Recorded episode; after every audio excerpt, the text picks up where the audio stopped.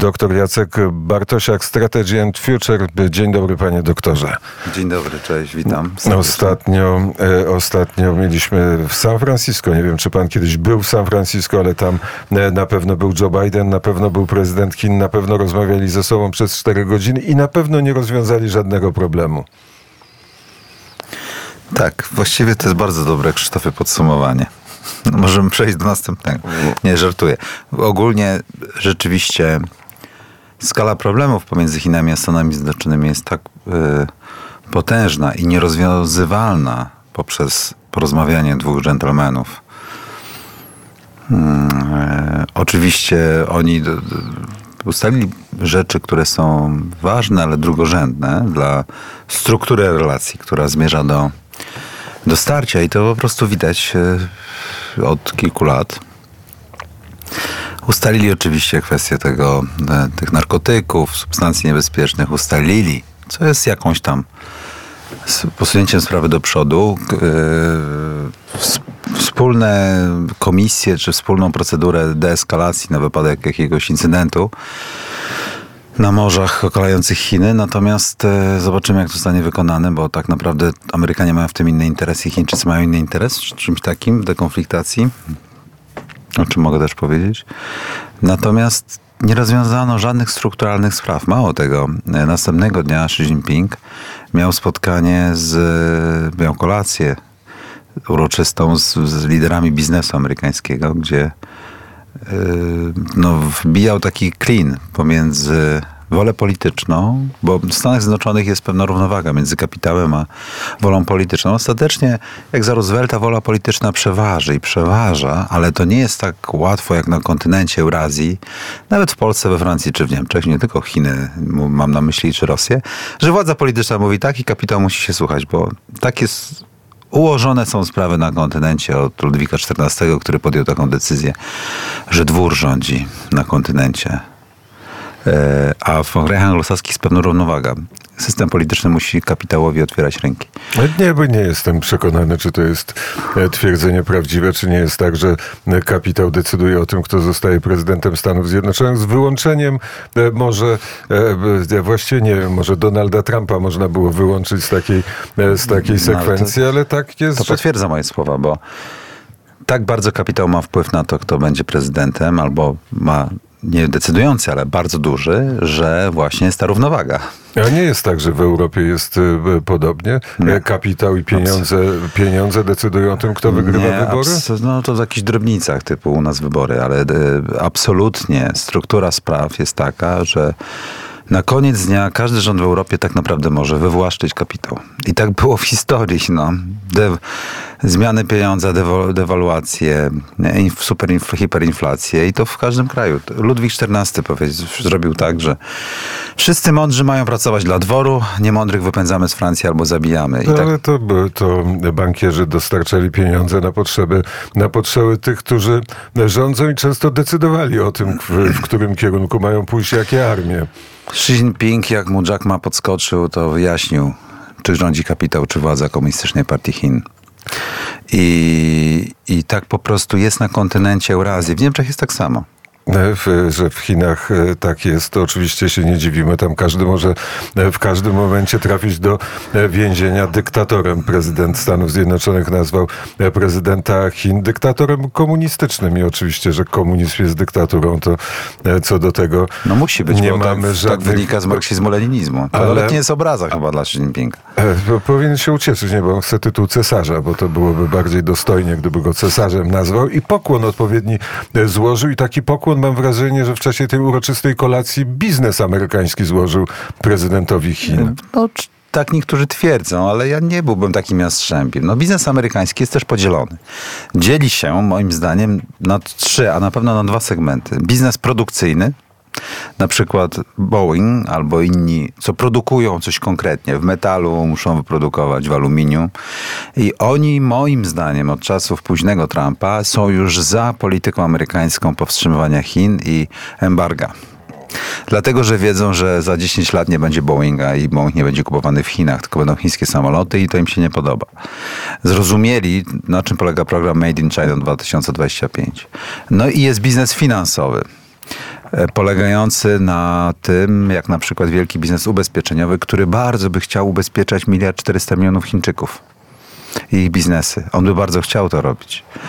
I, i tu ich tu kusił. Moim zdaniem ten biznes, który jeszcze nie wszedł na dobre do Chin, a widzi jaki to jest kąsek. Biznes też dostępu do danych, bo Chińczycy są najlepsi w zbieraniu danych, które są niezbędne do rewolucji sztucznej inteligencji. W związku z tym to się nazywa cherry picking po angielsku, czyli że Xi Jinping mrugał okiem do tych, do których miał mrugać, a tych, do których nie mrugał, to nie musiał mrugać. I chciał wbić klin właśnie w roku kampanii prezydenckiej, to o czym powiedziałeś, bo wielki biznes finansuje kampanie prezydenckie, żeby tam uspokajał wzburzone wody, yy, które napierają na rywalizację, czyli żeby kusił potężny biznes finansowy, kapitalizmu finansowego amerykańskiego, pewną ułudą zarabiania na Chinach. Więc y, ten biznes amerykański właśnie będzie wywierał presję. Ten biznes, bo produkcyjny moim zdaniem już jest za wojną technologiczną z Chinami. E, To, I to jest duża różnica pomiędzy czasami Obamy a, a Bidena. Ale to jest, to jest tak, że e, te brawa, które się rozległy, rozległy się w czasie tej ko- kolacji, e, kolacji uroczystej w San Francisco. Te brawa się rozległy dla prezydenta, który wspiera Rosję w walce, w walce z Ukrainą, który wspiera Iran, który właściwie stoi po drugiej stronie barykady, jeśli chodzi o e, konflikt na e, Bliskim Wch- Wschodzie, w strefie e, gazy i e, ma ochotę e, na, e, na skonsumowanie e, pięknej e, wyspy, która leży e, tuż obok e, kontynentalnych Chin, czyli Tajwanu.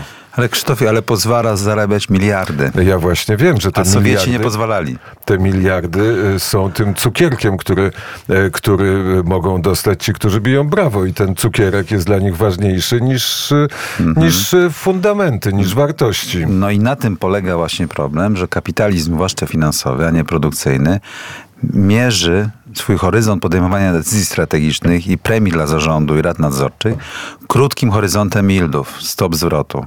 I to McKinder o tym pisał ponad 100 lat temu, że to doprowadzi do wojny, dlatego że McKinder uważa, że właśnie oni kierują się krótkim Krótko muszą, bo odpowiadają też prawnie, że muszą właściwie. Taki jest mechanizm skonstruowany.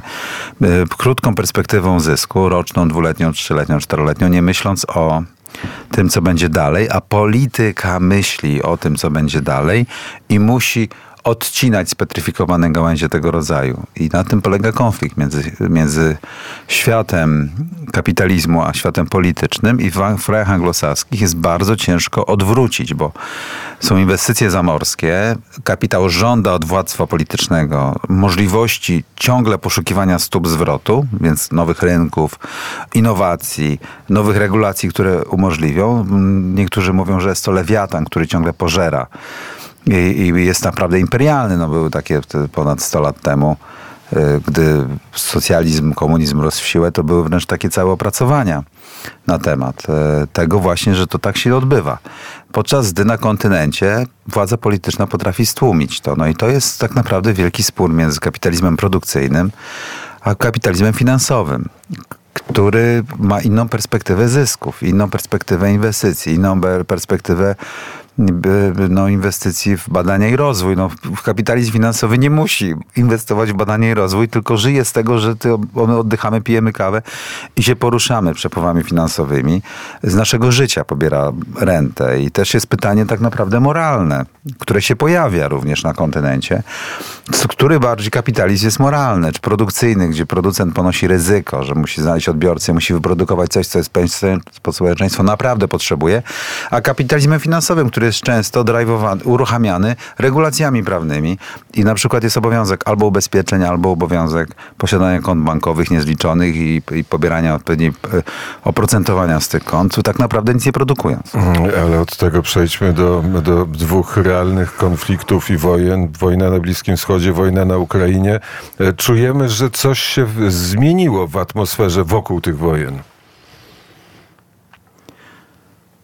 Tak, zdecydowanie się zmieniło. To jest też... Lubię, naprawdę- jak Jacek tak się e, przez chwilę zastanawia, które słowo wybrać. I słowo tak jest. Absolutnie zgadzam się. Jest pewien paradoks współczesności, Może zawsze tak było, tylko ja nie żyłem w XIX wieku, więc w sumie nie wiem, jak było, ale jest pewien paradoks, że w tym natłoku informacji i mediów jest taki, to się nazywa attention span, czyli atencja jest na chwilę, a potem wszystkie siły tam. Wszystkie siły tam i biegniemy tym stadem tam i tam. I jestem w trakcie pisania tekstu, że to jest straszne, bo wyobraź sobie, Krzysztofie, że gdyby wybuchła wojna gorąca na Pacyfiku ze strzelaniem do okrętów i wszystkie kamery byłyby tam, wszystkie Twittery byłyby tam i tak dalej, to różni wataszkowie i różne państwa mogłyby sobie robić totalne porządki. Mordować, niszczyć, palić y, bez kamer w różnych zakątkach świata.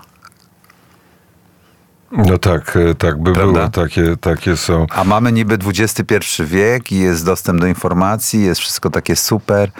E, A można jednak zrobić embar- embargo informacyjne, tak jak Izrael zrobił. E, Nie ma za dużo zdjęć, filmów ze strefy gazy, tak? Nie ma za dużo. E, Więc właściwie nie wiemy, co się tam dzieje, nie? To, e, to, to, to znaczy trochę sobie wyobraźnia podpowiada e, jednak i możemy sobie e, przynajmniej pomyśleć o tym, co dzieje się z Palestyńczykami, którzy mieszkają w strefie, w strefie gazy, tak jak możemy sobie pomyśleć, co dzieje się z Kurdami, którzy mieszkają na granicy turecko, turecko-syryjskiej, ale Ukraina. Dzisiaj jest dziesiąta rocznica Majdanu. Po godzinie dziesiątej Paweł Bobowicz opowie i o historii, i o tym, co teraz się dzieje na Ukrainie, z twojej perspektywy analitycznej, e, jak ta e, Ukraina wygląda i ta wojna z Rosją. Rosja wojnę wygrywa. Rosja, e, Ukraina jest w bardzo złym stanie w sensie gospodarczym i wojskowym. Widać gołym okiem, że narasta konflikt między władzą polityczną a wojskową, między Załużnym a Załańskim. Wojsko popiera generała Załużnego i nienawidzi władzy politycznej, w tym Załańskiego. Jest to przepis, to destabilizację. Wydaje mi się, że taniec się rozpoczyna polityczny wokół kogo obarczyć winą za niepowodzenie nie tylko kontrofensywy, ale w ogóle wojny. Ukraina zależy całkowicie od pomocy, w szczególności pomocy amerykańskiej. W związku z tym Amerykanie decydują o tym, jak ta wojna będzie przebiegać w najbliższych miesiącach. Straszny stan Ukrainy. Nie życzę nikomu, żeby znalazł się w takiej sytuacji. Tymczasem Rosja wprowadza drugą reformę Szojgu, reformuje swoje wojska, ma wzrost gospodarczy, ma odbiorców swoich surowców w Azji, stoi na nogach i rozwija produkcję wojskową. Będąc dalej państwem słabym, jak zawsze, zawsze była państwem słabym, w wojnach światowych de facto też, udało się jej na pewno w znacznie lepszym stanie yy, przekształcić zasady funkcjonowania społeczeństwa tak, że yy, wykorzystując ewolucję pola walki, promocję obrony, prawda, no, trudno sobie wyobrazić, co się mogłoby teraz wydarzyć bez implozji Rosji, żeby Ukraińcy odzyskali Krym, Donbas. Źle to wygląda. Myślę, że Zełański słabnie, nie zrobił też reformy wewnętrznej, o której kiedyś u ciebie w studiu mówiłem, że powinien wykorzystać wojnę do rozprawy z oligarchami. Nie jestem wielkim specjalistą polityki wewnętrznej, ale wygląda na to, ukraińskiej, ale wygląda na to, że nie zrobił tego.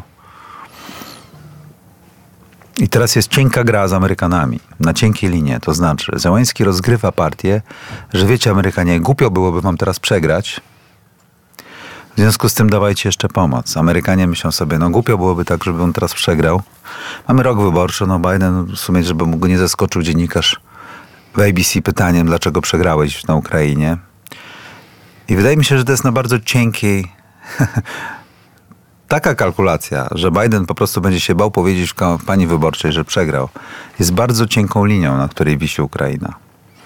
Tymczasem znów strukturalne wyzwania przed Stanami Zjednoczonymi potężnieją. Amerykanie ustami Bidena ogłosili zaraz po wypadkach na granicy Gazy i, Izraela, że będą utrzymywać swój prymat światowy za wszelką cenę. Problem polega na tym, że Amerykanie nie mają, moim zdaniem, i Strategy and Future, środków do utrzymania prymatu światowego wszędzie. To jest coś takiego, jakbyś chciał moja kołdra i ja ją mam nakryć wszystkie rogi, wszystkie rzeczy. Dużo lepiej by było, tylko gorzej dla Polski, ale dużo lepiej byłoby dla Amerykanów i obawiam się, że zacznie, zacznie taka myśl być w Stanach Zjednoczonych. Byłoby odpuścić strefy, gdzie się układ sam równoważy i pozostać offshore balancerem Eurazji, punktowo wspierając tylko, koncentrując się rzeczywiście na Pacyfiku, ale na przykład na Bliskim Wschodzie nie potrzebują balansowania i wspierania Izraela. Rosja jest zbyt słaba, żeby balansować cały system europejski, a zwłaszcza, że powstała już koalicja antyrosyjska. Amerykanom się udało ją stworzyć w, w kontekście wojny. Polska, Ukraina, państwa skandynawskie, przystąpienie Szwecji i Finlandii do NATO. Nawet Niemcy lekko, lekko lewym palcem u lewej ręki zaczęli coś ruszać. E, Bo no, tylko tyle by chcieli. I to, I to powoduje, wiesz, Krzysztofie, że bardzo źle wygląda e, dla Ukrainy przyszłość, moim zdaniem. I od tego trzeba było roz, rozpocząć rozmowę, ale tak, ciąg dalszy tej rozmowy na pewno e, nastąpi. E, py- pytanie na temat założonego i na temat tezy Jacka Bartosiaka, że Ukraina przegrywa wojnę. Skonfrontujemy z tym, co Paweł Bobołowicz powie dzisiaj z Majdanu, powie dzisiaj z Kijowa, już 9.03 na zegarze, a my jeszcze nie powiedzieliśmy, że co, wspieramy radio, prawda? Oczywiście Radio Wnet należy wspierać najbardziej ze wszystkich spraw na świecie, wydaje mi się. Ja wspierałem Radio Wnet od samego początku. To jest e, prawda. Tak?